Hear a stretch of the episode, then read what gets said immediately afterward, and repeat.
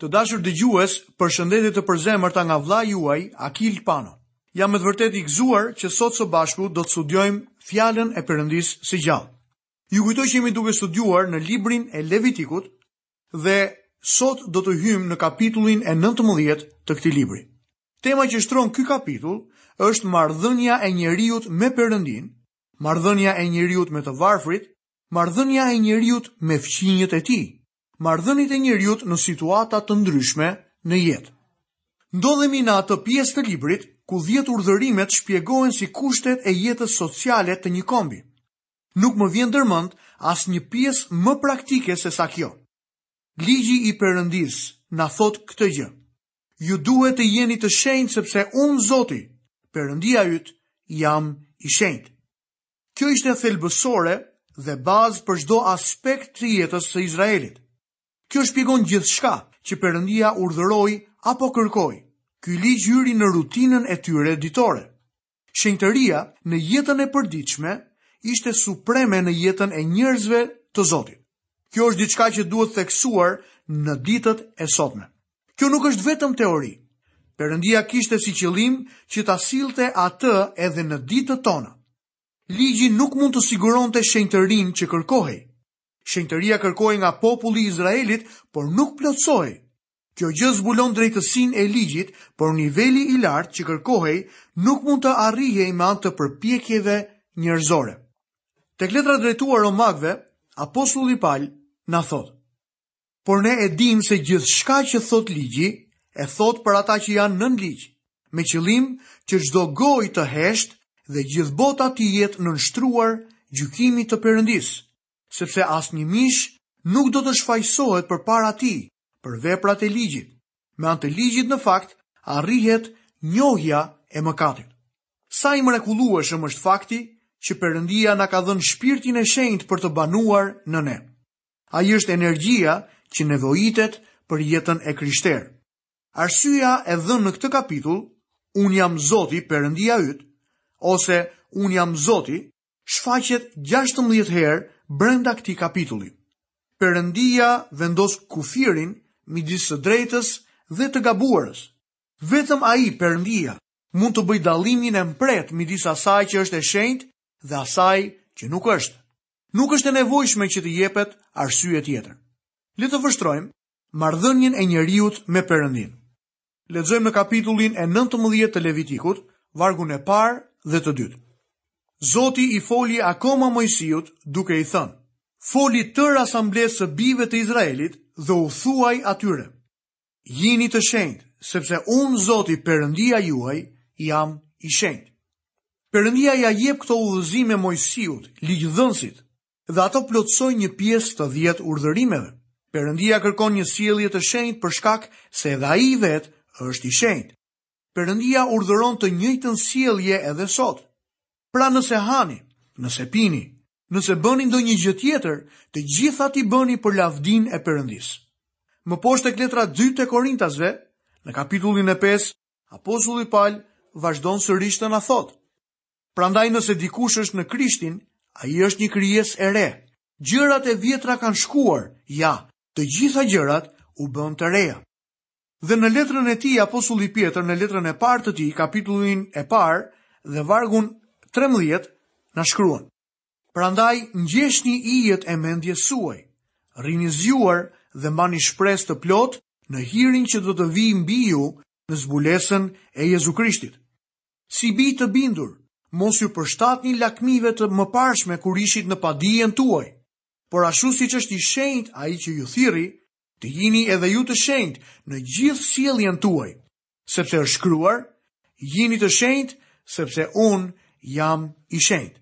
Dallimi kryesor midis sjelljes nën ligj dhe asaj nën hir është se sot besimtari pajiset me energji me anë të personit të shpirtit të shenjtë. Ne jemi bashkuar me Krishtin e gjallë. Gjërat e vjetra kanë shkuar. Ne nuk jemi më të bashkuar me Adamin dhe me sistemin e ligjit, por jemi të bashkuar me Zotin Krisht.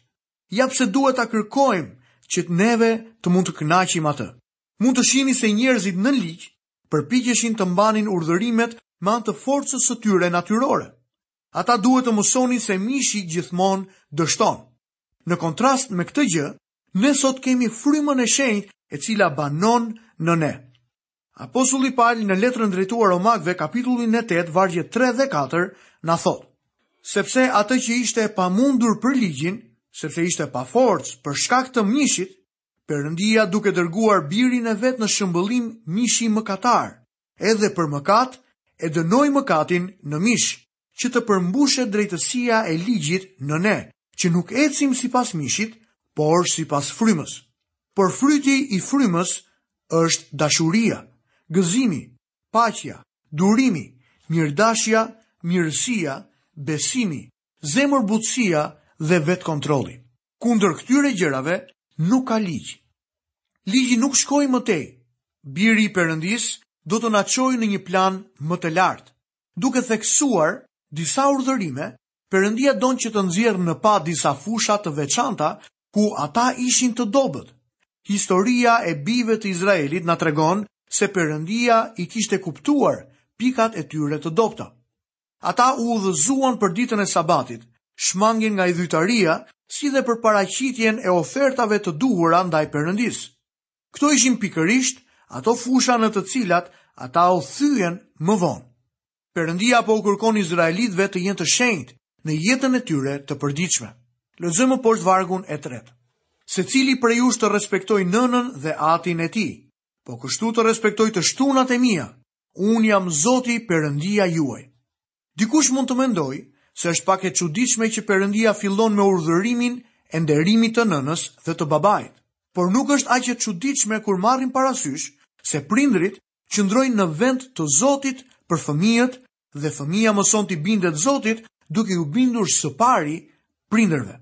Nëse do të duhet të hysh në thelbin e kësaj çështjeje, Ti duhet të fillosh nga shtëpia jote.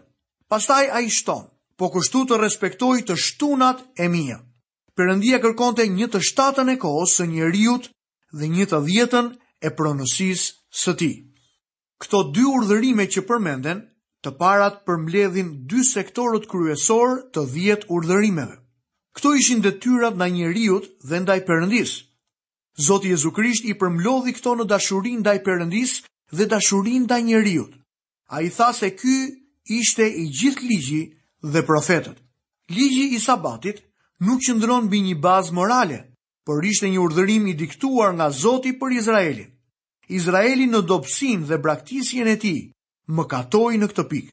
Ata refuzuan të zbatonin ditën e shtunë. Tek libri i profetit Amos, në kapitullin e tetë dhe vargun e pestë, ne shohim, Dhe thoni, Kur do të kalojë hëna e re që të mund të shesim grurin? Dhe e shtuna që të fillojmë shitjen e grurit? Duke e zvogluar efan dhe duke rritur siklin, duke falsifikuar peshoret për të mashtruar. Ky ishte qortimi i Zotit kundra këtij kombi. Lexojmë poshtë në vargun e katërt. Mos ju drejtoni idhujve dhe mos bëni perëndi me metal të shkrirë. Unë jam Zoti, Perëndia juaj. Ky urdhërim mbulon dy të parat. Ideja këtu është se ata nuk duhet të hedhin asnjë vështrim për nga idhujtaria. Adhurimi pagan u bën thirrje syve me shkëlqimin dhe ceremoninë e vet. Madje edhe në ditën e sotme, shikoni, salltanetet dhe ritualet e pakuptimta në fetë e sotme në botë. Ky është shërbimi i syve, apo i të parit.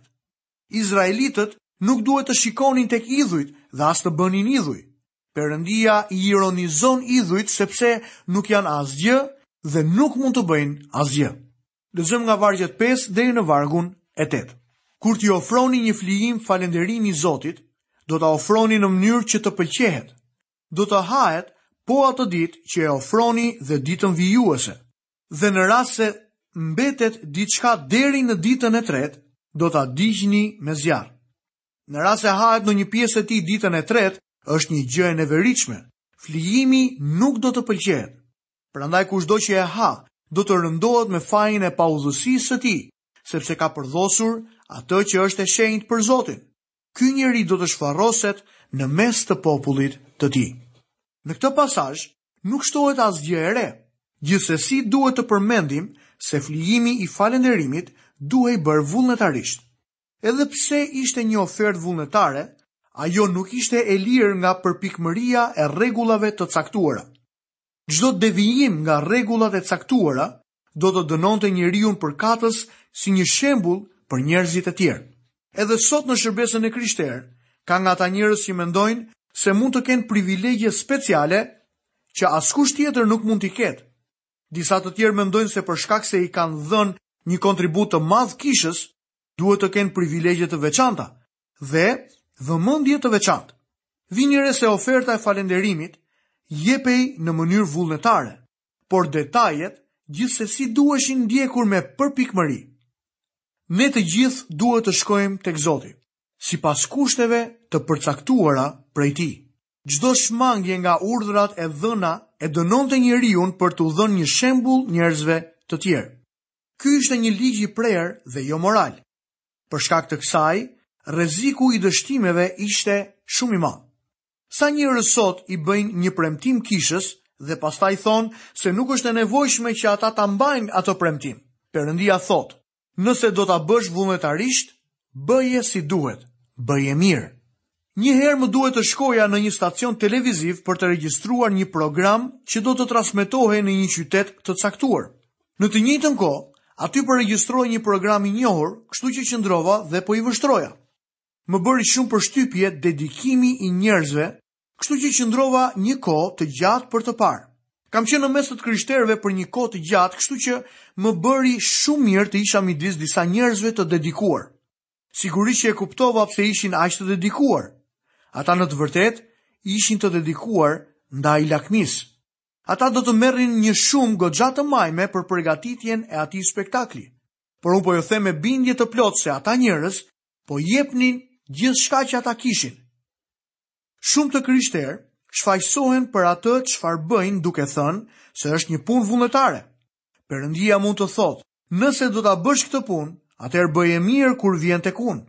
Mos bëj punë vullnetare për Zotin, për aq kohë sa nuk vendos të japësh gjithçka që ti ke, më të mirën tënde. Mendoj se shumë të krishterë do të gjykohen një ditë për shkak të dembelizmit të tyre. Disa njerëz krenohen me faktin se kanë një punë. Shiko, unë jap mësim në shkollën e së dielës. Miku im, sa herë ke ardhur me vonesë aty? Sa herë ke dështuar në përgatitjen e mësimit? Po ju them se njerëzit në spektaklin televiziv e dinin mirë pjesën që ata do të merrnin. Por sot shoh mësues të shkollës të së dielës Mësues në familjet biblike të kishës që shfletojnë shkrimet e tremujorit për të gjetur diçka të re për të thënë. Mendoj se Zoti do të na gjykojë për ato që kemi bërë. Ai na thotë të mos shkojmë tek ai me një ofertë vullnetare për aq kohë sa nuk e bëjmë atë ofertë në mënyrën e duhur. Tani do të lexojmë nga vargjet 9 deri në vargun e 10. Këtu do të shohim marrëdhëniet e njeriut me të afërmit e tij. Kur do të korrni tokat tuaja, nuk do të korrësh deri në cepat e arës sate dhe nuk do të mbledhësh kallinjtë që kanë mbetur pas korrjes sate. Dhe në vreshtin tënd nuk do të kthehesh prap, as do të mbledhësh bistakët e mbetur nga vreshti yt, do t'i lësh për të varfrin dhe për të huajin. Unë jam Zoti, Perëndia juaj. Ky ishte furnizimi i mrekullueshëm i Zotit për të varfrit. Perëndia nuk vendosi askënd për të lypur. Ai kurrë nuk lejoi që dikush të ulej poshtë, të mos bënte asgjë dhe të merrte një çek të mirë. Kujdesi për të varfrin konsistonte në dhënien e mundësisë për punë. Ky ishte një ekuilibër i mrekullueshëm midis kapitalizmit të pashpirt dhe komunizmit të pafe. Gjithçka që fermeri nuk e korrte herën e parë, duhej lënë për të varfrin. Metoda e lashtë e korrjes me dorë linte deri në dhjetë apo njëzet për qind të drithit në fushë. I njëjti ligj zbatohej edhe për vreshtarët. Një herë ndodhesha në një takim në një qytet. Përpara këtij takimi një miku im më tha: "Dil jashtë dhe shko të mbledhësh ca rrush tek vreshti." sepse ai e dinte që mua më pëlqente rrushi. Ishte koha menjëherë pasi rrushi ishte vjelur dhe të gjithë vjelësit ishin larguar. Do të kisha mbushur një kamion plot me rrush nëse do të kisha një të tillë atje. Atë natë në takim u tregova njerëzve se kisha qenë jashtë për të mbledhur atë çfarë kishte ngelur nga vjelja e rrushit. Kjo është mënyra se si Zoti kujdeset për njerëzit e tij. Metoda e tij e trajtimit të varfërisë i aftësoi të pasurit dhe të varfrit për të pranuar dorën e mirë të ndihmës së Perëndisë. Tani le të vështrojmë marrëdhënien e njeriut me fqinjët e tij. Lexojmë vargun e njëmbëdhjetë dhe të dymbëdhjetë. Nuk do të vidhni, nuk do të gënjeni dhe nuk do të mashtroni njëri-tjetrin. Nuk do të bëni betim të rremë në emrin tim, Nuk do të përdhosni emrin e Perëndisë tuaj, unë jam Zoti. Kjo shpall sërish urdhërimin e nëntë dhe të dhjetë. Nuk do të vjedhësh, nuk do të bësh dëshmi të rreme kundër të afërmit tënd. Vjedhja, mashtrimi, gënjeshtra dhe dëshmia e rreme përfshihen të gjitha në këtë vend. Dëshmia e rreme sipas përkufizimit të Zotit është një formë vjedhje. Urdhërimi i tretë përfshihet në vargun e 12. Emri i Zotit është i shenjtë. Në punë, njeriu i Perëndisë duhet të tregojë shenjtërinë e emrit të Zotit me anë të ndershmërisë së tij dhe marrëveshjeve të sinqerta në punë. Lexojmë vargun e 13. Nuk do të mundosh fqinjin tënd dhe as do ta vjedhësh. Mëditjen e punëtorit mos e mbaj te ti deri në mëngjesin vijues. Ne duhet të paguajmë çdo njeri që punon për ne. Unë mund t'ju them se Perëndia është në anën e punëmarrësit. Babai im ishte punëtor dhe e mbaj mend më shumë me kominoshe se sa me ndonjë rrobë tjetër. Ai ndërtonte makina që përdoreshin për zhveshjen e pambukut, por megjithatë, nga ana financiare ishte i këputur. Dëgjoni se çfarë thotë Jakobi në letrën e tij. Dhe tani ju o pasanikë, qani dhe vajtoni për të këqijat që do t'ju zënë, pasuria juaj u kalb dhe rrobat tuaja i brejti tenja. Vargu i gjashtë në këtë kapitull vazhdon duke thënë, Dënuat dhe vratë të drejtin, ai nuk ju kundërshtoi. Puna e paperëndishme është një gjë e tmerrshme. I tillë është edhe kapitalizmi i paperëndishëm. Pikërisht, tani mendoj se jemi në rrezik të vërtetë nga ky i dyti. Lexojmë më poshtë në vargun e katërmbëdhjetë. Nuk do të mallkosh të shurdhërin dhe nuk do të vësh asnjë pengesë përpara të verbrit, por do të kesh frikë nga Perëndia yt. Unë jam Zoti. Një njeri i verbër më tregoi se si ishte mashtruar nga një tregtar që erdhi tek ai. Mund t'ju them se këto gjëra të tmerrshme vazhdojnë të bëhen ende edhe sot. Perëndia ka vënë një theks të dyfishtë ndaj konsideratës së tij për të shurdhrin dhe të verbrin. Perëndia interesohet për të dobtin, të pandihmuarin, të pafuqishmin dhe qorton zemërgurtësinë e njeriut. Lexojmë më poshtë vargun e 15. Nuk do të bësh padrejtësi gjatë gjykimit, nuk do të tregohesh i anshëm me të varfrin, as do të nderosh personat e fuqishëm. por do të gjykosh të afërmin tënd me drejtësi. Këtu jep një fjalë për gjykatësin. Sa shumë ka nevojë kjo botë sot për gjykatës të drejtë. Gjykatësi duhet të kuptojë se duhet të gjykojë si Perëndia. Do të doja që disa prej tyre ta kuptonin se ndodhen në atë pozicion, jo për shkak se disa politikanë i kanë vendosur ata aty, por për shkak se prezantojnë Zotin e plotfuqishëm. Ata duhet të gjykojnë me paanësi. Shekspiri shkroi tek mbreti Henri i Tetë, Qielli është mbi gjithçka.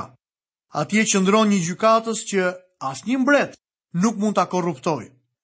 Filozofi Sokrat tha, Një gjykatës duhet të karakterizohet nga katër gjëra, të dëgjojë njerëzisht, të përgjigjet me zgjuarsi, të jetë i matur dhe të vendosë me paanësi. Lexojmë më poshtë në vargjet 16 deri në vargun e 18. Nuk do të shkosh e të sillesh duke shpifur nëpër popullin tënd, as do të mbash qëndrim kundër jetës të të afërmit tënd. Unë jam Zoti. Nuk do të urresh vëllanë tënd në zemrën tënde. Qorto gjithashtu fqinjin tënd, por mos u ngarko me asnjë mëkat për shkak të tij. Nuk do të hakmerresh dhe nuk do të mbash mëri kundër bijve të popullit tënd, por do ta duash të afërmin tënd si veten tënde. Unë jam Zoti. Thashethemet janë shpifje. Është më mirë të qëndrosh në heshtje se sa të thuash të vërtetën që mund të shkatërrojë fqinjin tënd. Walter Scotti shkroi.